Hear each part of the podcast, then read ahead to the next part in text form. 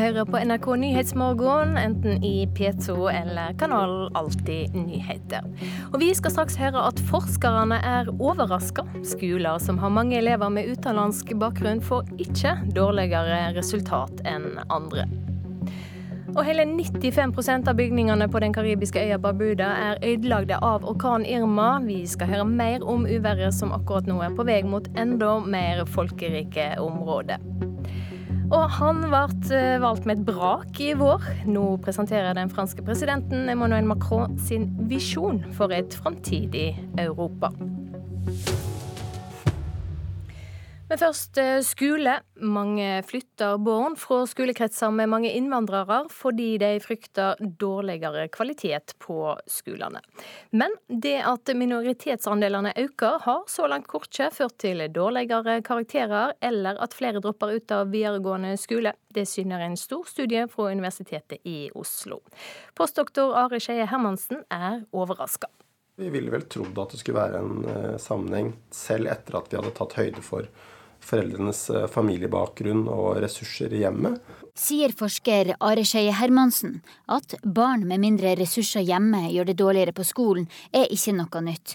Det som er nytt, ifølge denne studien, er at økende innvandrerandel i seg sjøl ikke fører til dårligere resultater. Det tenker jeg stemmer veldig godt med det inntrykket vi har av elevene våre veldig mye flotte ungdom og ressurssterke elever. Eh, men det vi ser, er at mange kan streve med familiebakgrunn og ting som ikke har noe med skolen å gjøre, som kan gjøre at det hindrer læring. Sier Tonje Røseth, assisterende rektor ved Stovner videregående skole. Hvor det er god stemning og skolevalgkamp når NRK kommer på besøk. Veldig bra skole. Det er derfor jeg går her. Her er det nesten kun elever med minoritetsbakgrunn. For de norske i denne bydelen nordøst i Oslo søker seg heller til andre videregående skoler. Eh, jeg mener det har fått såpass dårlig rykte i medier. Derfor det har skapt så stor utrygghet blant norske. Og Derfor tror jeg de også ikke velger å søke her. Elevene som går her, opplever du at de eh, er ambisiøse, at de vil eh, gjøre det bra på skolen? Noen av dem vil det, ja. Noen vil ikke. Jevnt over så skårer elever i innvandrertunge skoler dårligere. Det skyldes at foreldrene, både til barn med minoritetsbakgrunn og norske, har lavere utdanning i disse områdene. Det som forskerteamet fra Universitetet i Oslo har prøvd å finne ut, er om innvandrerandelen i seg sjøl i tillegg kan føre til dårligere resultater. Når vi tar høyde for at det er forskjellige elever som går på forskjellige skoler, så er det en veldig svak eller nær sagt ingen sammenheng mellom minoritetsandelen på skolen og karakterprestasjoner og fullføring av videregående utdanning sier postdoktor ved Institutt for sosiologi og samfunnsgeografi Are Skeie Hermansen. Så med andre ord så gjør ikke elever det dårligere på skolen enn de ellers ville ha gjort, fordi innvandrerandelen øker. Forskerteamet har sett på alle landets avgangskull fra ungdomsskolen over seks år. Og når vi ser på endring over tid, så når innvandrerandelen på skolen øker, så er det ikke sånn at elevprestasjonene går ned. Det er snarere tvert imot at det er en svak, svak positiv sammenheng. Forteller postdoktor Hermansen.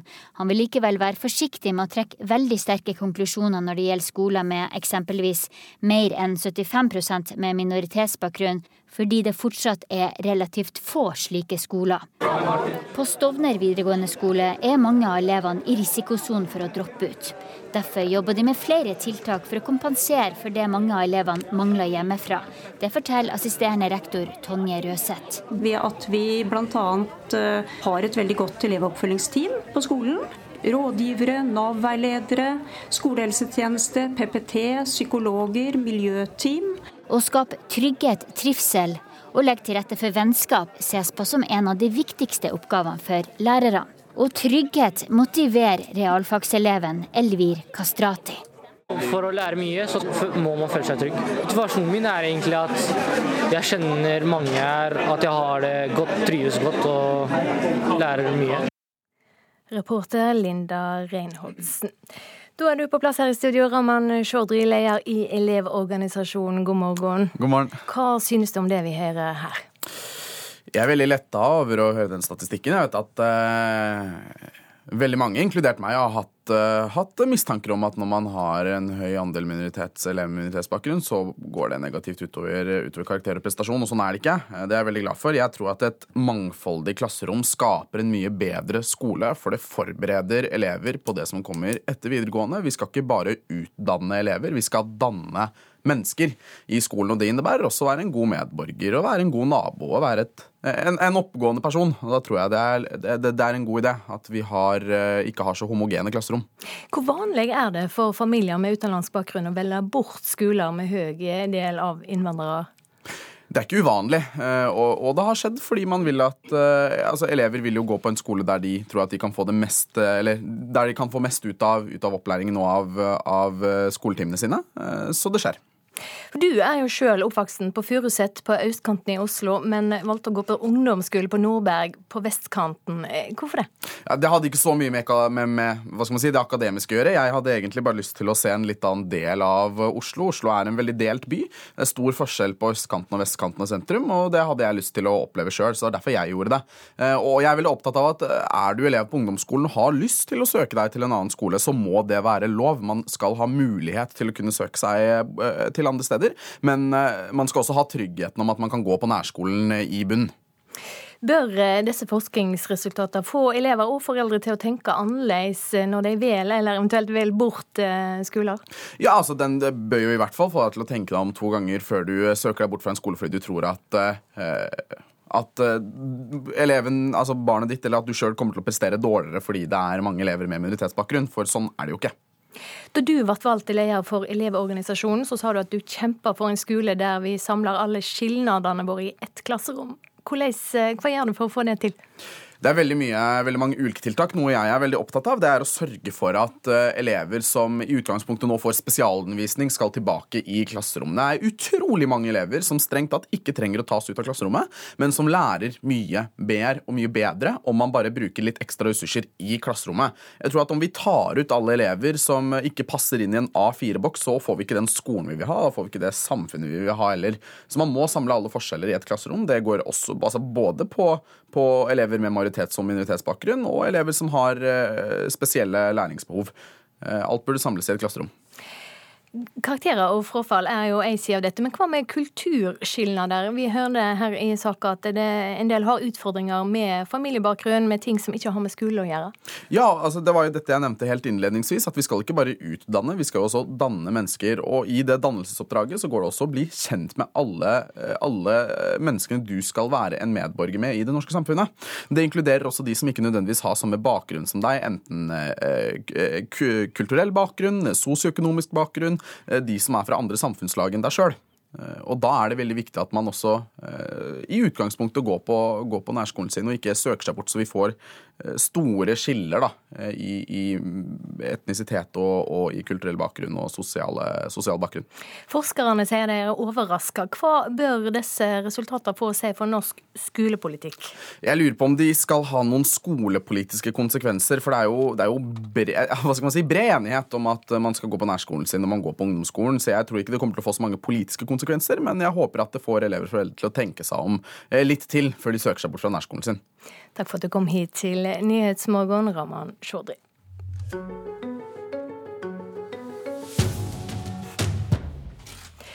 Minst seks mennesker har, som vi hørte i Dagsnytt, mista livet på den karibiske øya San Martin pga.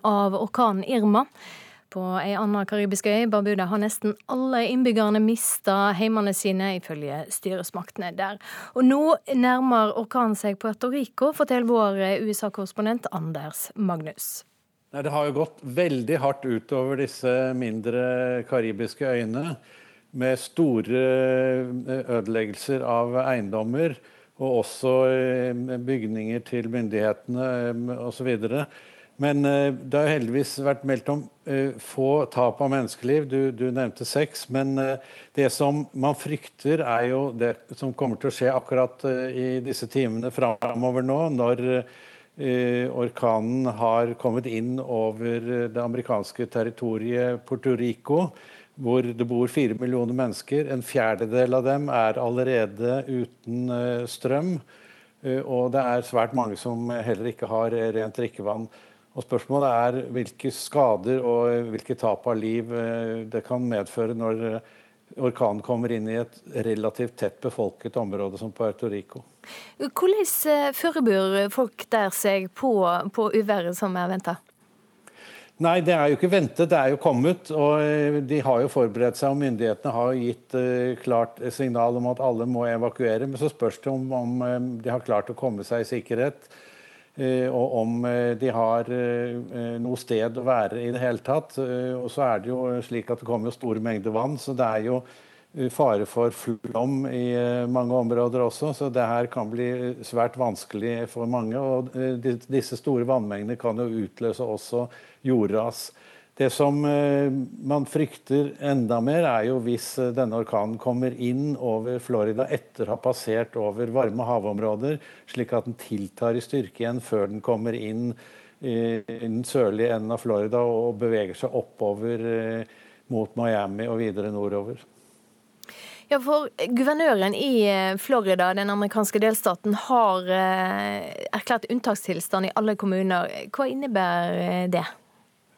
Han har sagt at alle må evakuere, alle må forberede seg på stormen. De har eh, begynt å, å, å, evakuere alle turistene, men han sier at også alle fastboende sør i Florida må evakueres. Eh, og nå må ingen eh, finne på å bli igjen og ikke høre på myndighetens ordre. Det har han sagt mange ganger på fjernsyn i dag. og Han håper jo da at alle følger denne ordren og ikke prøver å komme seg gjennom stormen på egen hånd. Dette er en av de, kanskje den kraftigste stormen som har vært i Atlanterhavet noensinne.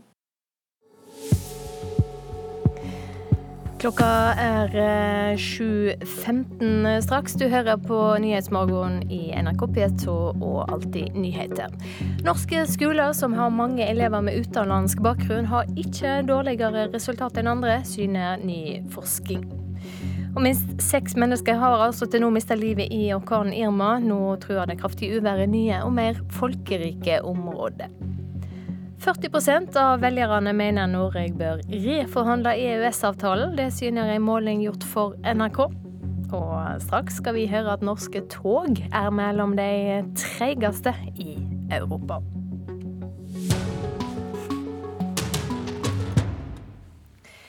Den eh, franske presidenten Emmanuel Macron er i dag og i morgen i Hellas for å legge fram sin visjon for et framtidig Europa. De siste ti dagene har Macron møtt hele tolv av EUs regjerings, regjeringssjefer. Det er eh, ikke venta at Macron kommer til å si mye om de vanskelige brexit-forhandlingene, men eh, heller snakke om hva EU skal være etter brexit. Notre volonté, nous venons d'en parler, c'est qu'il y ait un seul négociateur et un seul mandat. Un seul négociateur, c'est Michel Barnier. Et je veux ici lever toute ambiguïté liée à de fausses informations qui avaient pu ja, Europakorrespondent Philip Loth, dette var et lite kutt fra da Macron for kort tid siden tok imot Nederlands statsminister. Hva mer er det venta at Macron vil si i Aten? Det han understreket i disse samtalene med Mark Rutte, eh, var jo at EU eh, e har en sjefsforhandler, det er Michel Barnier. og Han kommer ikke til å blande seg inn i brexit-forhandlingene, eh, men at de er bekymret over fremgangen, og at de ønsker å fokusere på et EU uten uten Storbritannia. og Det kommer han også til å snakke med Hellas sin statsminister Sipras om eh, i dag. og Det kommer til å være fokus eh, på økonomi. Hellas ønsker å sette gjeldsproblemene sine på dagsorden. Eh, de ser på Frankrike som en nær alliert. Da krisen var på sitt verste, så var Macron, som den gang var økonomiminister, ganske delaktig i forhandlingene med Hellas om hvordan man skulle komme seg ut av de, og de opplevde han som mer konstruktiv enn f.eks tyske eh, ministre. Eh, og for at eh, Macron skal føle seg velkommen i Hellas, så har de faktisk forbudt demonstrasjoner under hans besøk. Dette er kanskje noe spesielt, men de har da sagt at det ikke vil være tillatt å protestere mot han. Det er jo vanlig med protester når fremtredende politikere fra andre land kommer, fordi at Hellas føler seg urettferdig behandlet.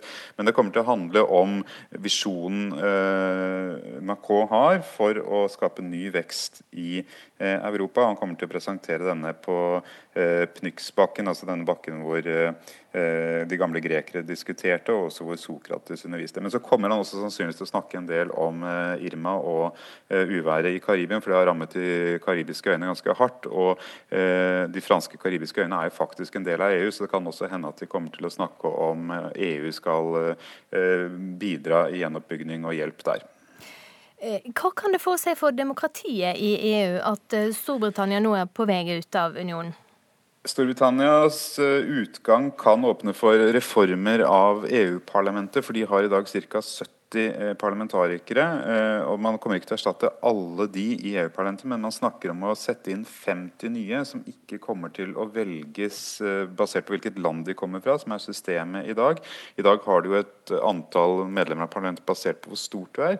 Eh, men i stedet så kommer de til å representere partilister som går på tvers av Europa. Dette er et italiensk forslag, men som også Macron har gått veldig hardt Eh, inn for og støttet. og Han kommer til å snakke mye med grekerne om det. Dette er noe han ønsker for å skape en, en tverreuropeisk identitet og gjøre det europeiske parlamentet mer relevant. Så I første omgang ved neste eh, parlamentsvalg i EU så er det snakk om at 50 av kandidatene skal være på lister som da ikke tilhører enkeltland, men representerer hele unionen. og Det, han, det snakker han med alle lederne om for å samle støtte omkring. Takk skal du ha, europakorrespondent Philip Lote. Du følger besøket til den franske presidenten i Hellas. Vi skal høre at den syriske hæren er i ferd med å ta over IS-bastionen Der al-Sur øst i Syria. Terrorgruppa IS mister stadig mer av territoriet sitt. Hæren til Syrias president Bashar al-Assad vinner fram. Jublende barn løper mot soldatene som kommer kjørende i jeeper. Et russisk TV-team fanger opp gleden fra både barn og soldater etter at tre år med IS-styret er over i byen Der al-Sor øst i Syria. Byen er Syrias syvende største og ligger ved Eufrat-elven. Jeg er veldig glad i dag fordi hovedveien er åpnet etter tre år med beleiring. Livet har vært vanskelig i disse årene, men omsider ble byen frigjort. Takket være den syriske regjeringen og takket være president Bashar al-Assad. Også den russiske regjeringen har hjulpet til med å åpne veien vår, sier mannen fra Deir al-Sor til russisk TV. Mens den syriske hæren bekjemper IS i Deir al-Sor, er den USA-ledede koalisjonen med arabiske og kurdiske soldater i front for å bekjempe IS-krigerne i deres uoffisielle hovedstad Raqqa, litt lenger nord i Syria. I 2011, da den arabiske våren kom til Syria, tok USA og Vesten demonstrantenes og deretter opprørernes side mot president Bashar al-Assad. Assad ble sett på som en diktator med blod på hendene. Men min fiendes fiende er min venn, heter det, og nå er USA og president Assad på samme side i kampen mot IS i Syria. For siden IS entret scenen i Irak og Syria med sitt skrekkregime i 2014, begynte vestlige regjeringer å se på Assad som en stabil leder i et mer og mer kaotisk område, med hundrevis av militser i blodig kamp med og mot hverandre. Syriske soldater hyller Assad og Syria mens de danser i Deir al-Sors gater. Likevel, FNs utsending til Syria, Staffan de Mistura, vil ikke utrope president Assad til seierherre ennå. At the current uh, moment, I don't think anyone jeg skal ikke skrive historien, dessuten pågår konflikten fremdeles. Men akkurat nå kan ingen hevde at det er de som har vunnet krigen. Syrias regjering har absolutt gjort militære og territorielle fremskritt, men en seier oppnås bare når en levedyktig og langsiktig politisk løsning foreligger, minner Mestora om. Og han har en klar beskjed til den syriske opposisjonen.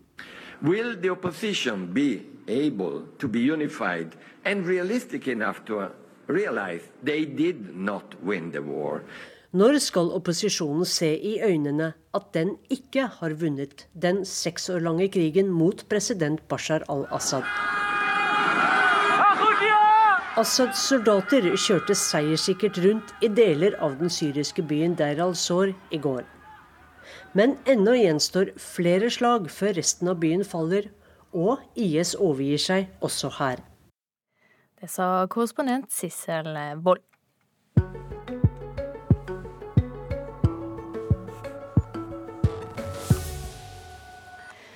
Thomas Lerdal fra Sporten på plass i studio. Sykkel og trygglek står på blokka i dag, men jeg skjønner du kommer rett fra tennisbobla?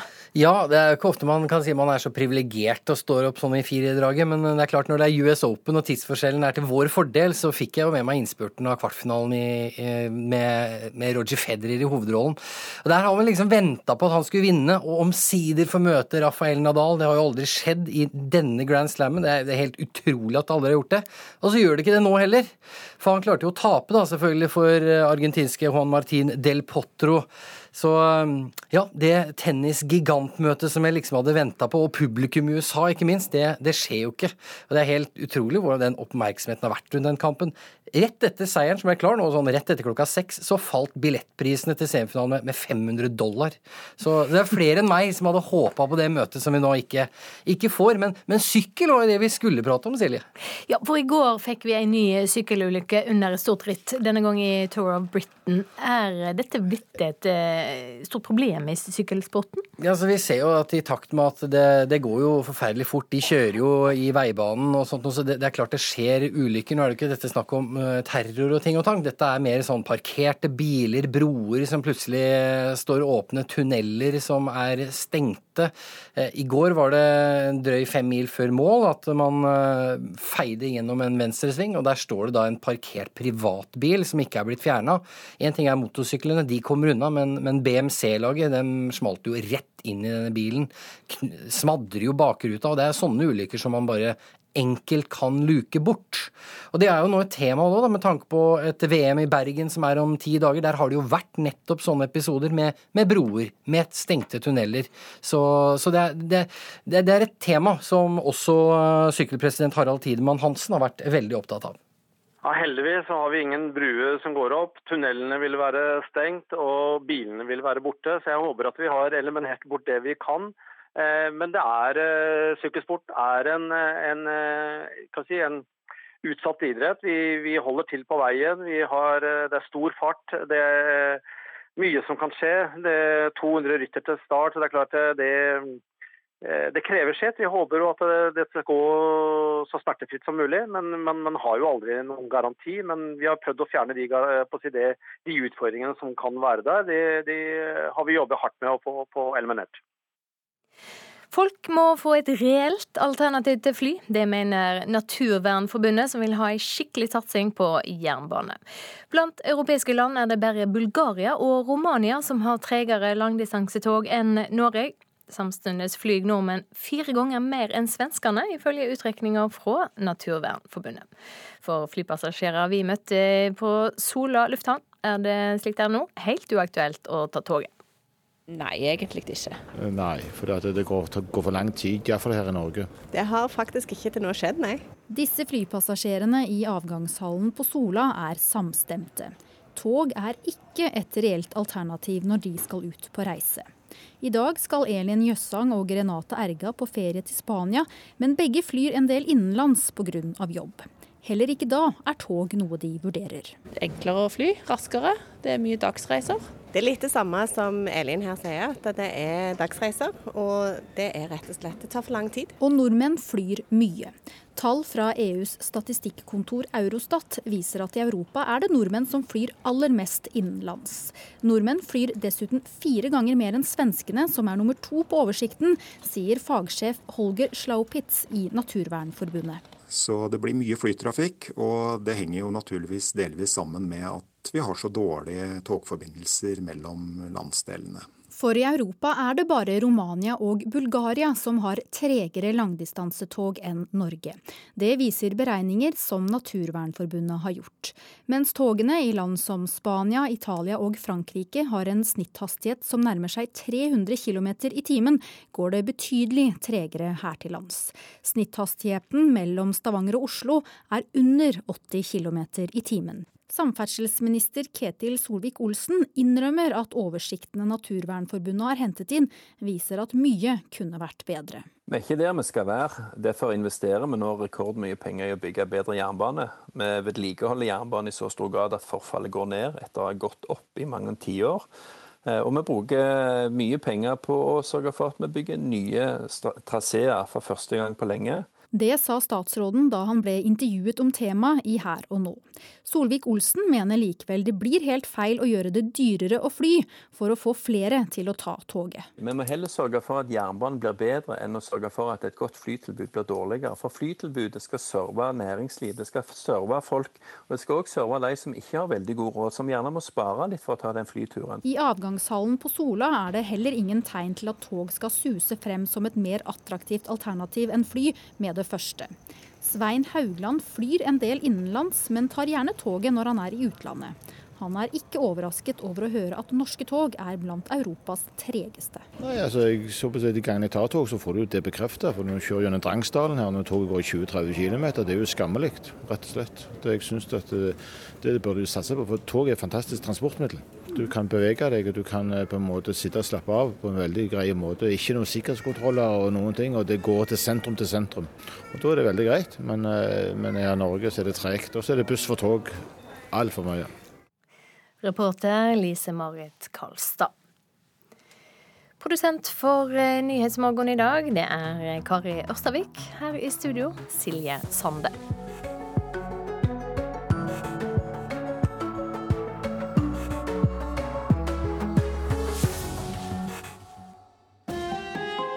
Hør ekko. Hviterussere har skylda for at du må stille med legitimasjon i valglokalet. Men du kan ha litt ekstra moro og arrangere en stryke- og omrokeringsfest i valgavlukket. Og når det ser som mørkest ut for din favoritt, fortvil ikke. Hun eller han kan fortsatt komme inn på tinget takket våre finurlige mandatregler.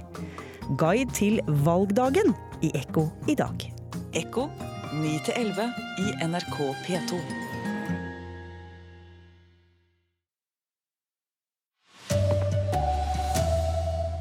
Orkanen Irma har skapt enorme ødelegginger i Karibia. På Barbuda er 95% av bygningene ødelagte. Det blir ikke dårligere ungdomsskoler av mange elever med innvandrerbakgrunn, syner forsking. Norsk kunstner må gi opp prosjektene sine i Nord-Korea etter drapstrusler og prøvesprenging. Her er NRK Dagsnytt klokka 7.30.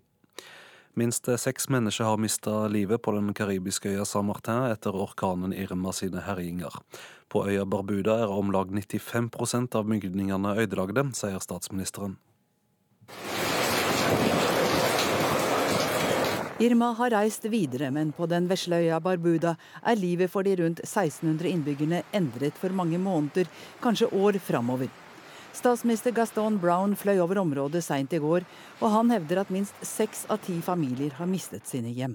What I saw was heart-wrenching. In fact, I believe that on a per capita basis, the extent of the destruction in Barbuda is unprecedented.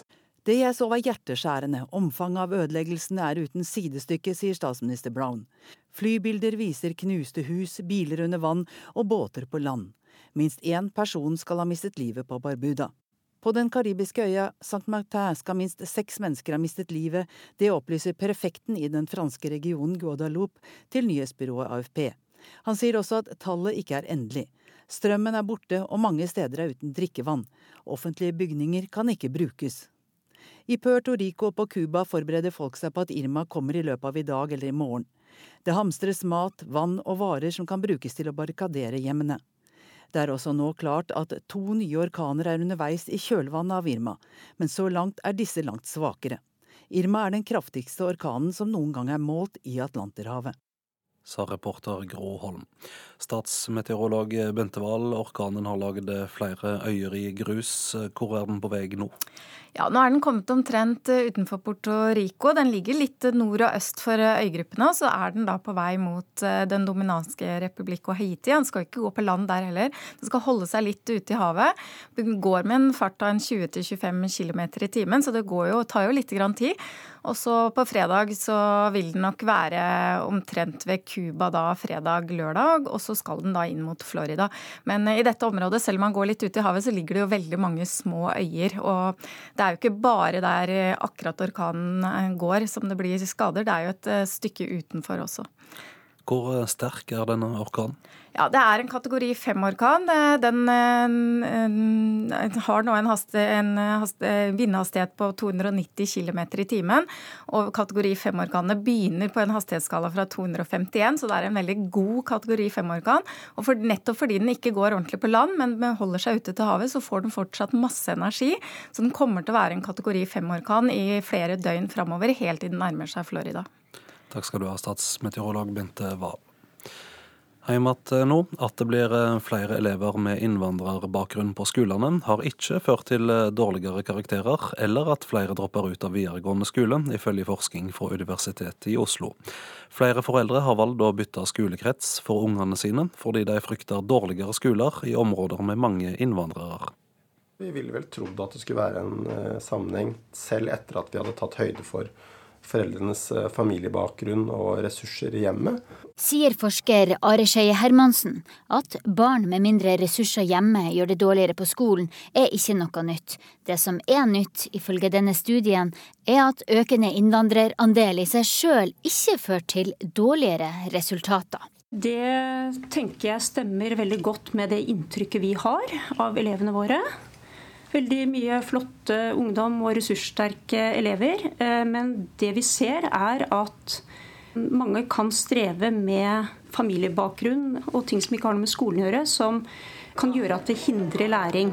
Sier Tonje Røseth, assisterende rektor ved Stovner videregående skole. Hvor det er god stemning og skolevalgkamp når NRK kommer på besøk. Veldig bra skole. Det er derfor jeg går her. Her er det nesten kun elever med minoritetsbakgrunn. Eh, jeg mener det har fått såpass dårlig rykte i medier. Derfor det har skapt så stor utrygghet blant norske. Og Derfor tror jeg de også ikke velger å søke her. Og trygghet motiverer realfagseleven Elvir Kastrati. For å lære mye, så må man føle seg trygg. Motivasjonen min er egentlig at jeg kjenner mange her, at jeg har det godt, trives godt og lærer mye. Reporter Linda Reinholdsen. Mange velgere ønsker å reforhandle EØS-avtalen, syner en meningsmåling Norstat har gjort for NRK. Men både Høyre og Arbeiderpartiet sier det er uaktuelt. En som vil reforhandle, er SV-leder Audun Lysbakken. På mange måter så er EØS-avtalen en slags eh, abonnementsordning på høyrepolitikk, eh, særlig innenfor arbeidsliv. SV-leder Audun Lysbakken mener det er mange grunner til å forhandle fram en ny handelsavtale med EU. Og blant de velgerne som har bestemt seg, er flertallet enig med ham. 40% vil reforhandle avtalen, mens 35% sier nei, og én av fire er usikre. Det er veldig rart om de store partiene skal legge ned en form for forbud mot den diskusjonen. Det er helt urealistisk. Sier klima- og miljøminister Vidar Helgesen om muligheten for å forhandle fram en bedre avtale med EU. Han frykter at Norge vil miste sin grønne konkurransekraft dersom vi starter en slik prosess. Den raskest voksende kraftkrevende industrien i verden, det er grønne datasentre. Hvis vi skal få de investeringene til Norge, så må vi ikke reise tvil om at vi er en del av det indre marked. Heller ikke Arbeiderpartiet ønsker en reforhandling, slik SV, Senterpartiet og Rødt ber om. Stortingsrepresentant Svein Roald Hansen mener som Helgesen at det vil ødelegge for investeringer. Det er nok usikkerhet når det gjelder internasjonal handel i dag, med brexit og med Trump som skal ut av ulike handelsavtaler. Og Da er det viktig at vi holder fast på den viktigste avtalen vi har, nemlig EØS-avtalen, som sikrer markedsadgang til det markedet hvor vi eksporterer eh, mellom 70 og 80% av all vår eksport. Reporter Hans Kosså Eide. Så til eh, Syria. Der er regjeringsherren i ferd med å ta over IS-bastionen Deir al-Zur øst i landet. Jublende barn løper mot soldatene som kommer kjørende i jeeper. Et russisk TV-team fanger opp gleden fra både barn og soldater etter at tre år med IS-styre er over i byen Der al-Zor øst i Syria. Byen er Syrias syvende største og ligger ved Eufrat-elven. Syriske soldater hyller Assad og Syria mens de danser i Deir al-Sors gater. Likevel, FNs utsending til Syria, Staffan de Mistura, vil ikke utrope president Assad til seierherre ennå. Syrias regjering har absolutt gjort militære og territorielle fremskritt, men en seier oppnås bare når en levedyktig og langsiktig politisk løsning foreligger, minner Mistura om. Og han har en klar beskjed til den syriske opposisjonen. Når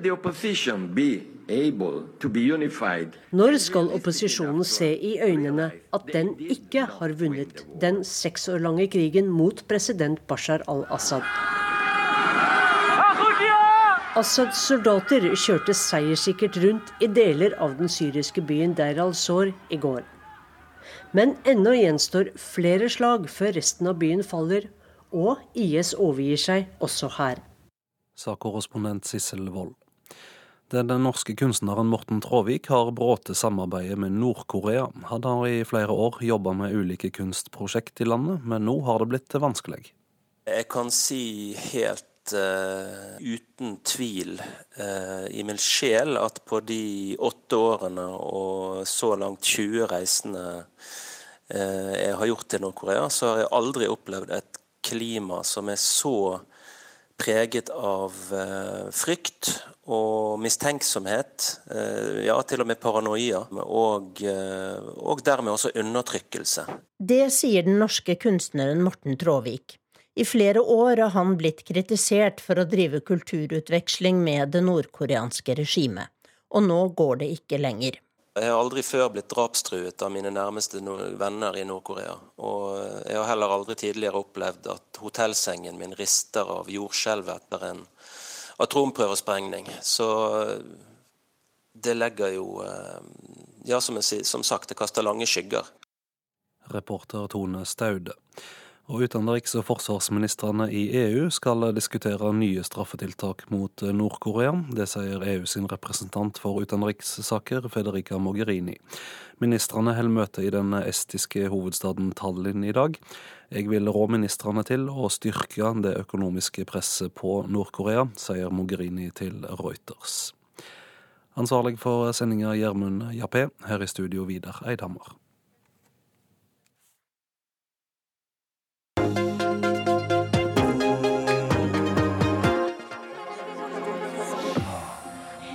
Vi bør begrense antall sydenturer, mener noen. Men må vi egentlig det, når luftfarten blir grønnere? Og Venstre kaster seg inn i skoledebatten og vil stille enda høyere krav til kompetanse blant lærerne enn i dag. Audun Lysbakken, Torbjørn Røe Isaksen og Guri Melby tar debatten om framtidas skole her straks.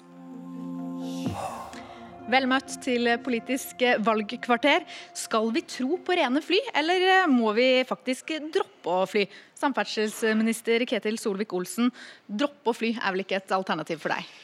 Nei, jeg mener det å kunne reise er et gode. Om du gjør det i jobb, i fritid, fra ferie, så er det fint å kunne komme seg litt vekk. Oppleve både sitt eget land og andre kulturer.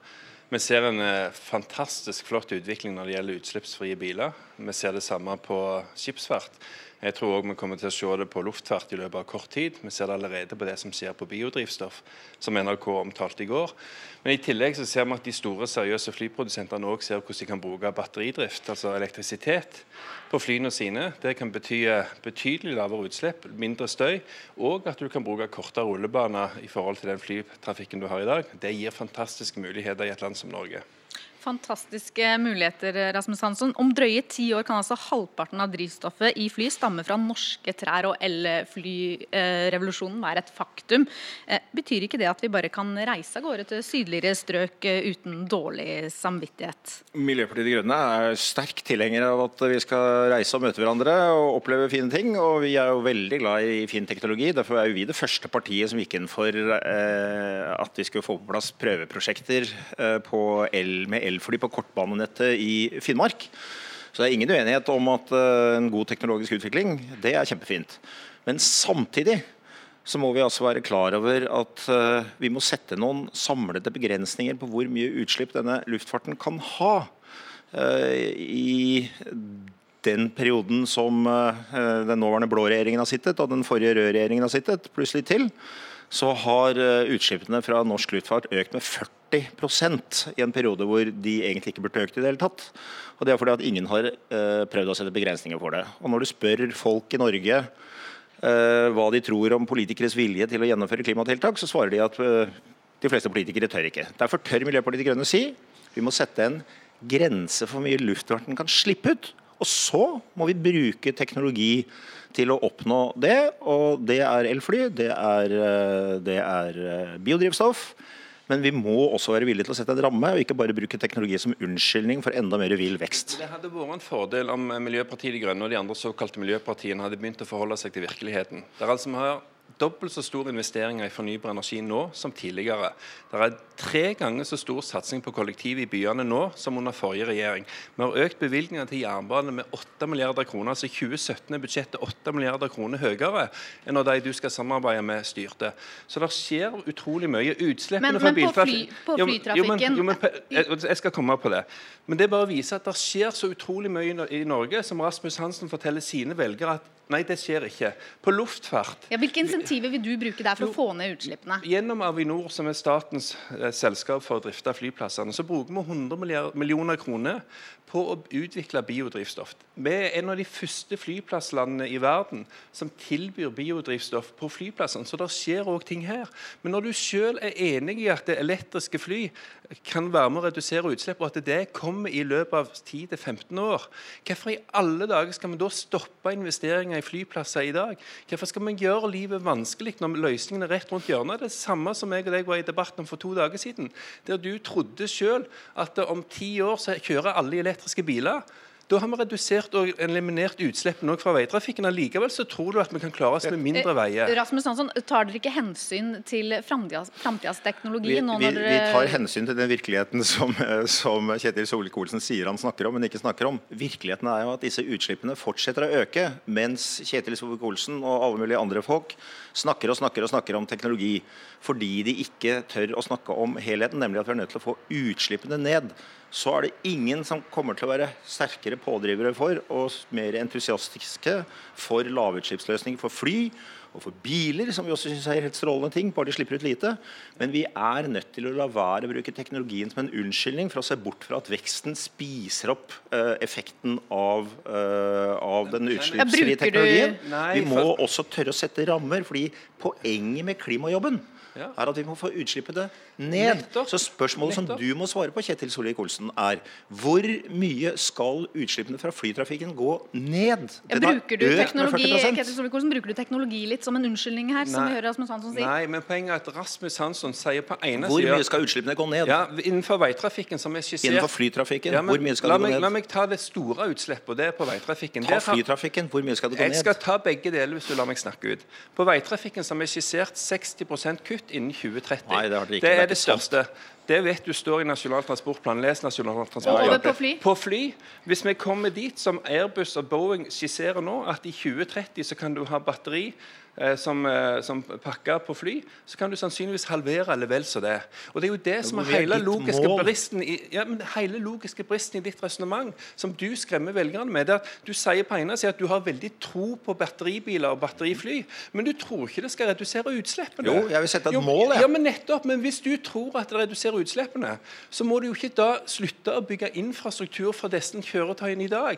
Da må vi kunne la den bransjen utvikle seg, og så vil du i løpet av veldig få år på veitrafikken innen 2030, altså innen Parisavtalens eh, utløp, har redusert utslippene med 60% Problemet er bare at du og ditt parti skal jo kutte stort sett all utbygging av vei, så du opplever mer kø, flere ulykker. Uten at du får gevinsten. Ja, Dere går altså til valg på at tog skal ta over deler av flytrafikken. Men dersom flytrafikken blir så miljøvennlig, altså, er det ikke bare til å rulle ut en tredje rullebane?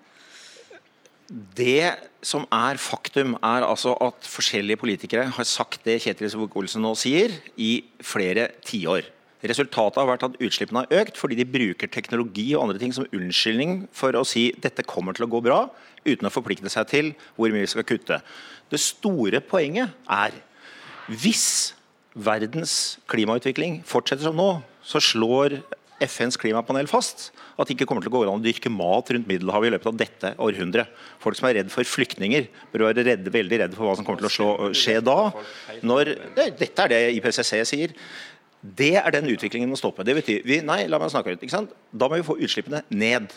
Vi hører nå at, uh, at samferdselsministeren er fortsatt uvillig til å si hvor mye skal utslippene fra flytrafikken ned. 60 skal utslipp, sier du nå at, eh, at, du forplikter deg til at utslippene fra flytrafikken skal ned 60% innen 2030? Sier du at, eh, er, det, er, dette en forpliktelse fra deg i valgkampen at utslippene fra flytrafikken skal ned 60% innen 2030? Da er det flott. Da er dere og vi enige. Da må du levere på 60 kutt innen 2030. Utslippene fra veitrafikken allerede på vei ned.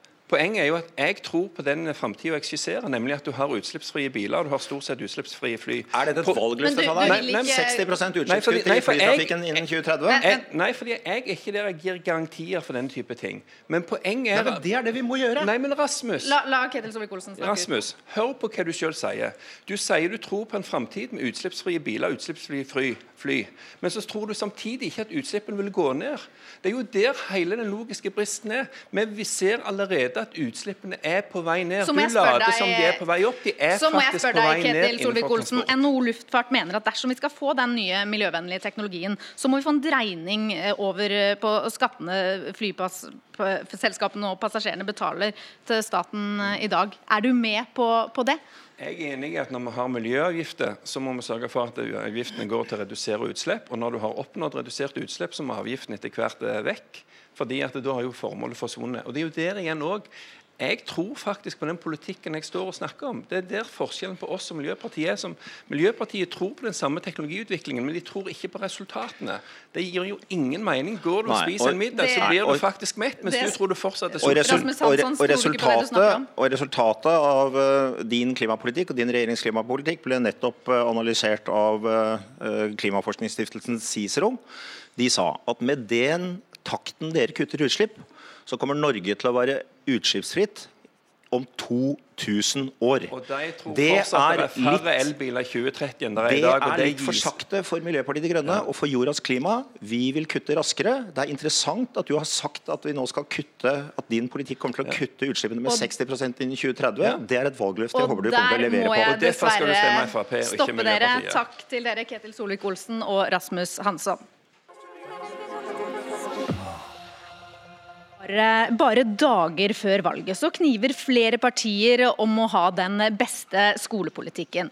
For er det noe velgerne er eh, opptatt av, så er det nettopp det. Og det er lærerne som er gjenstand for den største meningsutvekslingen. I denne perioden har regjeringen satt i gang en storstilt aksjon for å etterutdanne lærere. Men fortsatt er det mange ufaglærte i skolen. I går tok Venstre til orde for at de 13 500 personene som i dag fungerer som lærere, lærer uten utdanning skal tvinges til å slutte eller utdanne seg. Guri Melby, dette blir kostbart. Eh, jeg tror vi skal være såpass seriøse og si at alle vi som står her er opptatt av å få en bedre skole, slik at alle barn får like muligheter. Og jeg tror også alle partier er villige til å bruke en del penger på det. Og så er spørsmålet hva er det vi skal bruke de pengene på for å faktisk få en bedre skole. Og vi vet det, det er veldig mye forskning som viser at den viktigste innsatsfaktoren er gode lærere. Det handler ikke om størrelsen på klassene, eh, og det handler ikke om en rekke andre ting, men det handler om kvaliteten på den læreren som står i klasserommet. Og Derfor så lanserer vi nå en rekke tiltak eh, som kan bidra til at de som er i skolen i dag, og som er ukvalifisert. Det er mange av dem som har mange kvalifikasjoner, det vil jeg gjerne få sagt, men som kanskje mangler et fag eller to for å bli ordentlige lærere. De skal få en mulighet til det. Og det er ikke fordi de ikke ønsker det i dag, tror jeg, men det er litt vanskelig for dem. Eh, og Samtidig så ønsker vi å bruke lønn som et virkemiddel for å motivere dem. Og vi tror også at dette kan bidra til å få mange av de som er utafor skolen i dag, til å komme tilbake til skolen. Kunnskapsminister Torbjørn Røe Isaksen fra Høyre, din sak nummer én har jo vært nettopp å få bedre lærere. Men altså under deg så har andelen, andelen ukvalifiserte lærere den har økt. Fra 6,8% i 2013 til 8,1% i 2016. Hvordan i alle dager kunne det skje? Nei, Vi har sett de samme svingningene før også. Eh, og det aller viktigste er at eh, jeg ikke er fornøyd med at det skal være sånn. Eh, for det, Jeg er jo helt enig med Venstre, og en av de viktige tingene for denne regjeringa her har jo vært at gullstandarden i norsk skole det er at alle elever skal møte en lærer som er engasjert, men som også selv har hatt undervisning i faget de skal lære bort. Og I dag så er det jo sånn at det er fantastisk mange gode lærere i norsk skole, men samtidig så er det viktig å ha med seg at f.eks. i matematikk så er det 20% av de lærerne som underviser grunnskolen som ikke har noen studiepoeng. Men Er du med eh, på løftet fra Venstre her? Eh, ja, altså jeg tror kanskje, kanskje ikke akkurat akkurat i den formen som Venstre har det, men at vi må gjøre noe med de som jobber i skolen og ikke er lærerutdanna. Og at de må få lærerutdannelse, er jeg helt enig i. Og så er det viktig å, viktig å si at, eh, at, eh, for å få til alt dette, så må vi jo satse på videreutdanning. Vi kan jo ikke bare eh, snakke om det, vi må gjøre noe med det. Og det har jo, i, i denne perioden så har jo Venstre og regjeringspartiene allerede bidratt til dette, f.eks. gjennom et eget stipend for dem som jobber i skolen. Ikke i samme form som Venstre, hører vi deg si her. Hva sier du til det, Guri Melby? Ja, altså de, de, fire årene som har gått, så mener jeg jo at Venstre har fått med seg regjeringa på veldig mange gode satsinger i skolepolitikken. Og vi har prioritert eh, f.eks. videreutdanning hver eneste gang vi skulle ha forhandla budsjett. Eh, og så du for tror du kan Torbjørn har fått enda mer penger å bruke på det. Ja. Eh, så vi har jo god erfaring med å få til gode tiltak, så jeg tror på at både Venstre og Høyre kan bli enige om gode løsninger her. Altså. SV-leder Audun Lysbakken, eh, du snakker mye om at vi trenger flere lærere. Eh, hvordan i alle dager skal vi få til det, når vi når vi ser den, eh, disse tallene? Altså, hvis vi skal løse de utfordringene som vi har i norsk skole, så må vi ikke senke ambisjonsnivået for skolen. Vi må øke ambisjonsnivået. Det viktigste kravet til landets lærere ved dette valget det er å få flere lærere, bli kvitt overfylte klasserom. Og vi lytter til lærerne og har det som vårt viktigste krav i forhandlinger hvis vi vinner flertall sammen med Arbeiderpartiet. Så syns jeg utspillet som kom i går viser veldig godt hvorfor Venstre har mistet så mye tillit som skoleparti. Jeg tror det var mye hoderysting rundt om på skolene. fordi det er jo helt riktig eh, at eh, vi har en utfordring med mange ufaglærte. Eh, det har økt med nesten 40% under denne regjeringen. Men Venstre og Høyre sammen har jo på punkt etter punkt ført en politikk som forsterker de her problemene. De har avskiltet 33 000 erfarne lærere. Vi risikerer at mange av de forsvinner ut av yrket.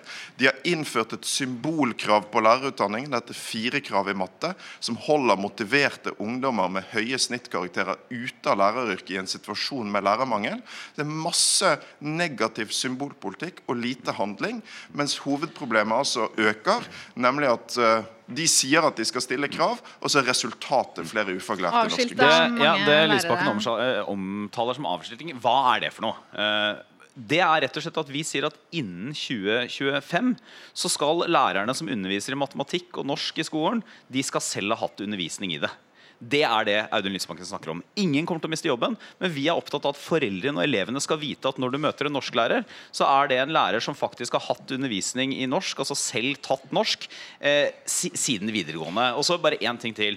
Audun Lysbakken reiser jo landet rundt og snakker om at det skal bli flere lærere overalt. Men sannheten er at det blir det jo ikke. Altså, det som kommer til å skje med den normen som Audun Lysbakken vil ha, det er at denne byen vi er i nå, hovedstaden, Norges største by, Oslo, kommer til å få 500-700 100 lærere. Hvis du ser på et fylke som Aust-Agder, et fylke som Finnmark, et fylke som Nord-Trøndelag, så blir det nesten garantert ikke Det blir ikke en lærerstilling per skole engang. Knapt nok. Eh, Lysbakken, jeg må bare spørre deg, i, i, din iver etter å få flere lærere, glemmer du litt eh, at de også skal være kvalifiserte? På ingen måte. Det er derfor vi har gått imot avskiltingen, vi har gått imot mattekrav, for vi vil ha flere kvalifiserte lærere og få ned andelen ufaglærte som underviser i norske klasserom. Torbjørn Røe Isaksen står bak en svær lærerfiasko der han sier han stiller krav. En lærerfiasko? Ja, fordi han presser også erfarne lærere ut av yrket. Han hindrer motivert ungdom i å komme inn i yrket, og det blir flere ufaglærte. Så skal jeg svare på dette med flere lærere.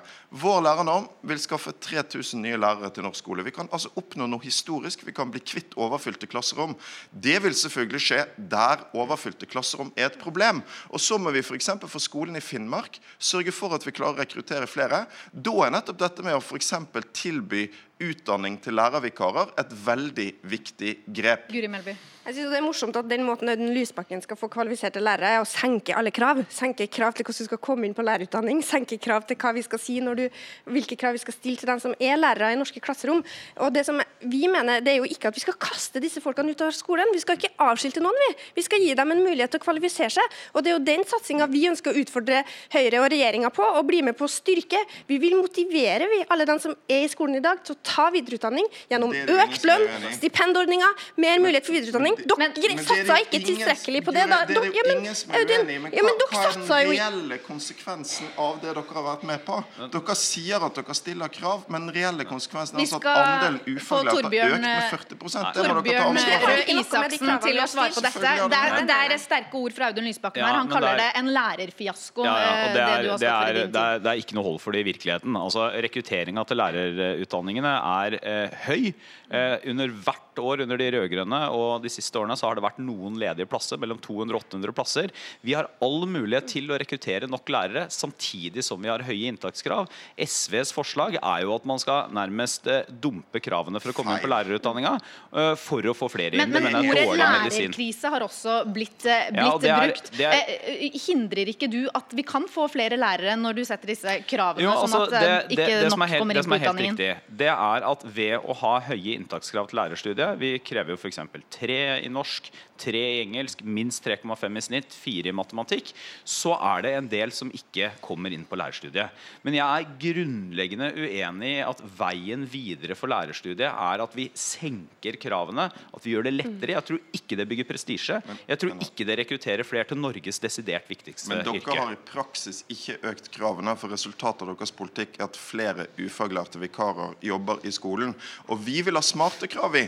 Jeg får altså så mange henvendelser fra ungdom med høye snittkarakterer fra videregående skole, som har én drøm i livet, og det er å bli lærer. Og de får ikke lov til å bli lærer pga. politikken til Torbjørn Røe Isaksen og Guri Melby. Det er jo helt meningsløst i en situasjon hvor vi har lærermangel. Og de kravene vi fremmer i denne valgkampen, er de samme som lærerorganisasjonene fremmer. Så du er jo Venstre, det gamle skolepartiet, totalt på kollisjonskurs med skal dere få til det. Guri Melby, når dere nå setter dette kravet som gjelder da 13 500 lærere som trengs eh, til stede i klasserommene i dag? Jeg har lyst til å starte med å sit eh, sitere en eh, partifelle av Audun Lysbakken, da, som jeg møtte i debatt i går, som sa at det er ikke noe lærermangel i Norge, men det er lærermangel i norsk skole.